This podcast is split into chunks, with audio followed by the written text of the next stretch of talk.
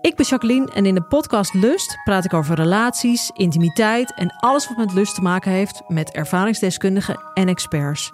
Of je nu in een relatie zit, single bent of iets daartussenin, Lust is de podcast voor jou. Overal te beluisteren, dus ook in jouw favoriete podcast-app.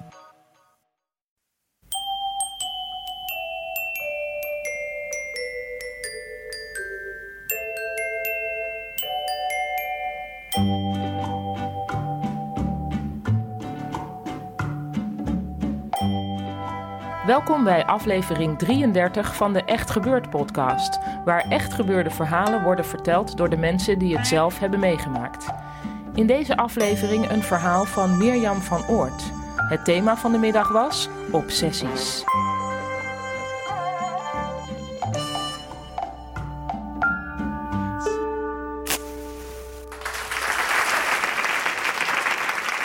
In eh, 2006 ging ik eh, naar het ITVA, naar een film over Leonard Cohen.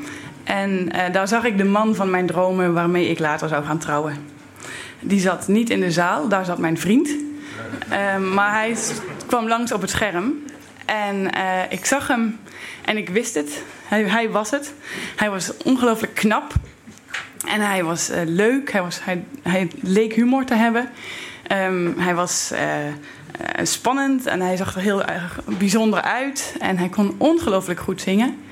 Dus ik dacht, nou, dit is gewoon, eh, dit, ik weet niet hoe ik het ga doen, maar dit, dit gaat gebeuren. Zijn naam is Rufus Wainwright.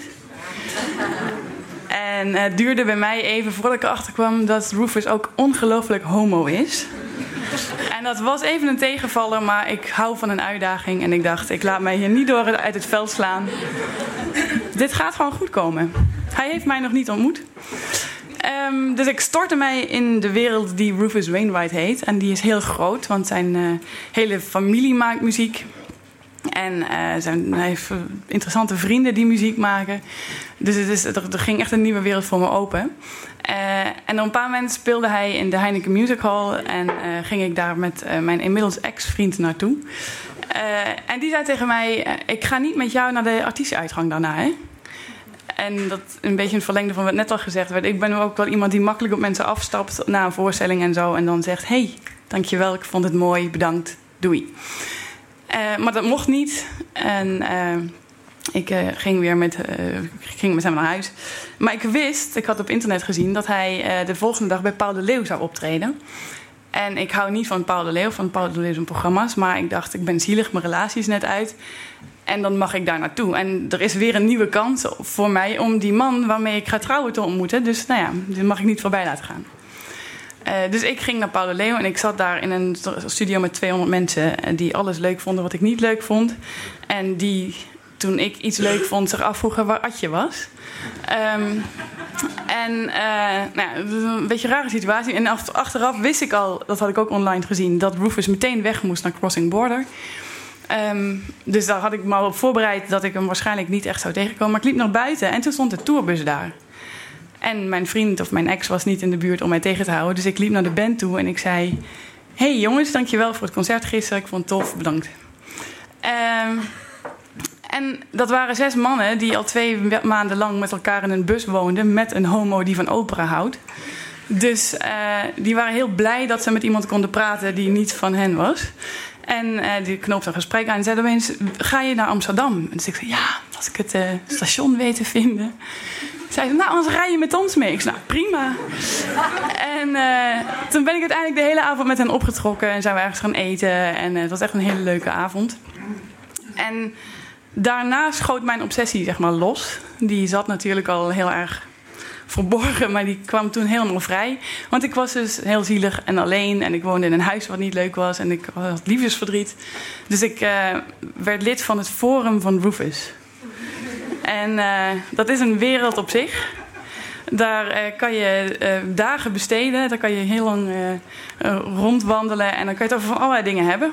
Wat dan met Rufus te maken heeft. Dus dan kan je het hebben over zijn muziek. En over zijn cd's. En over ieder liedje op die cd. En over foto's van hem die verschenen zijn. En over de boeken die hij gelezen heeft. En over films waar hij over gepraat heeft. En over ehm, eh, zijn vriend, wat ik dan weer wat minder vond.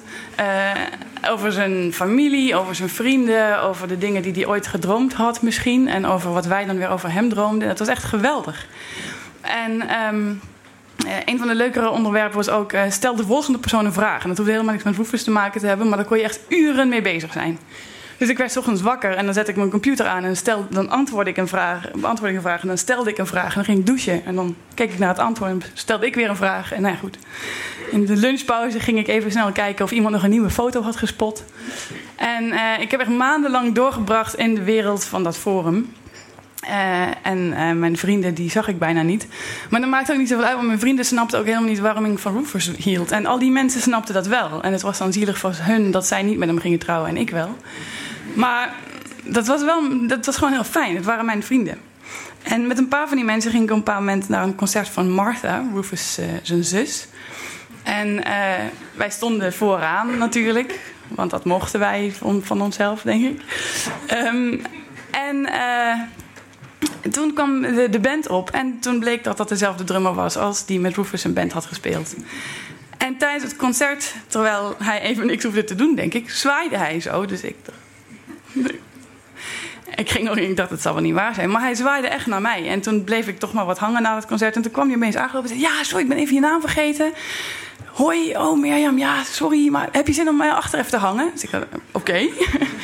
dus ik zat vervolgens weer te eten met de band en met Martha en met haar man in Amsterdam. En ik dacht, nou goed, het, uh, ik had het natuurlijk niet over mijn forumvrienden.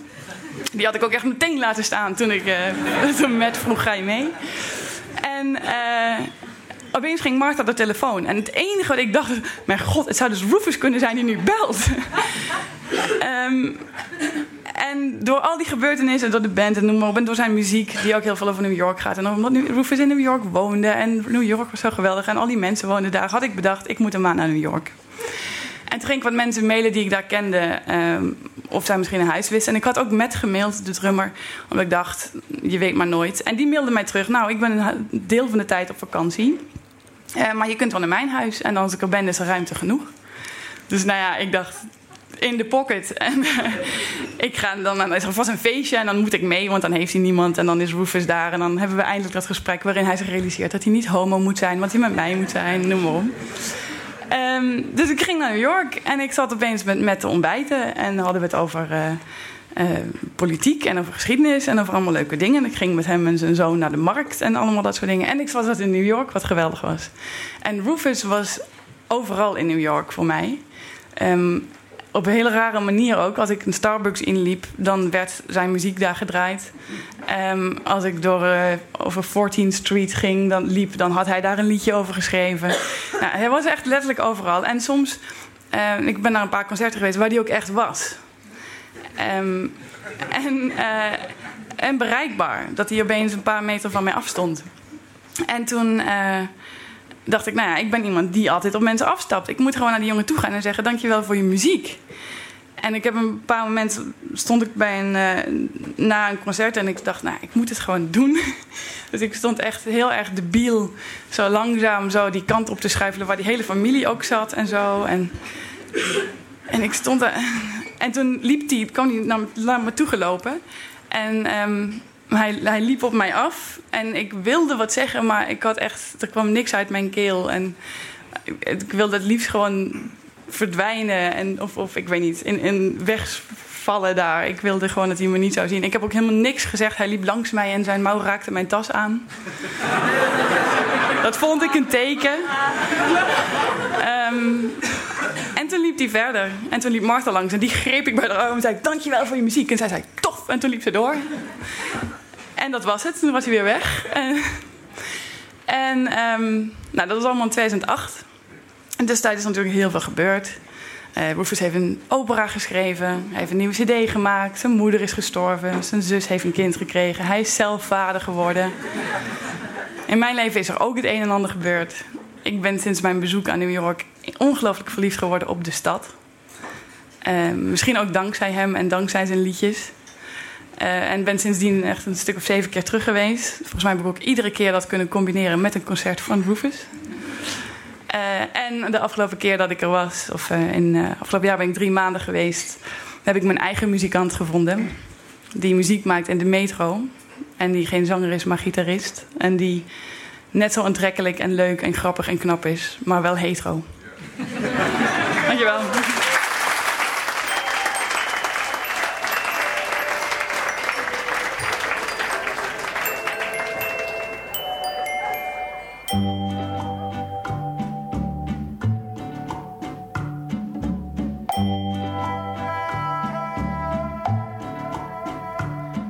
Dat was het verhaal van Mirjam van Oort. En het thema van de middag was dus obsessies. Echt gebeurd vindt maandelijks plaats in Toemler onder het Hilton Hotel in Amsterdam. Maar nu is het zomerstop. In september gaan we pas weer door. Tussendoor kun je ons wel zien op Lowlands en op Into the Great Wide Open. Voor alle informatie hieromtrent verwijs ik naar de website echtgebeurtintoemler.nl. Daar staat ook op hoe je je kunt aanmelden om zelf een keer een verhaal te vertellen. Ook mensen zonder enige podiumervaring willen we daartoe uitnodigen. Wij helpen je namelijk van tevoren en mensen die het eens proberen zijn eigenlijk altijd blij dat ze het gedaan hebben. De redactie van Echt Gebeurd bestaat uit Micha Wertheim, Rosa van Dijk, Eva Maria Staal, Rufus Wainwright en mijzelf, Paulien Cornelissen. De techniek is in handen van Vrijman en Vrijland. Bedankt voor het luisteren en tot de volgende podcast.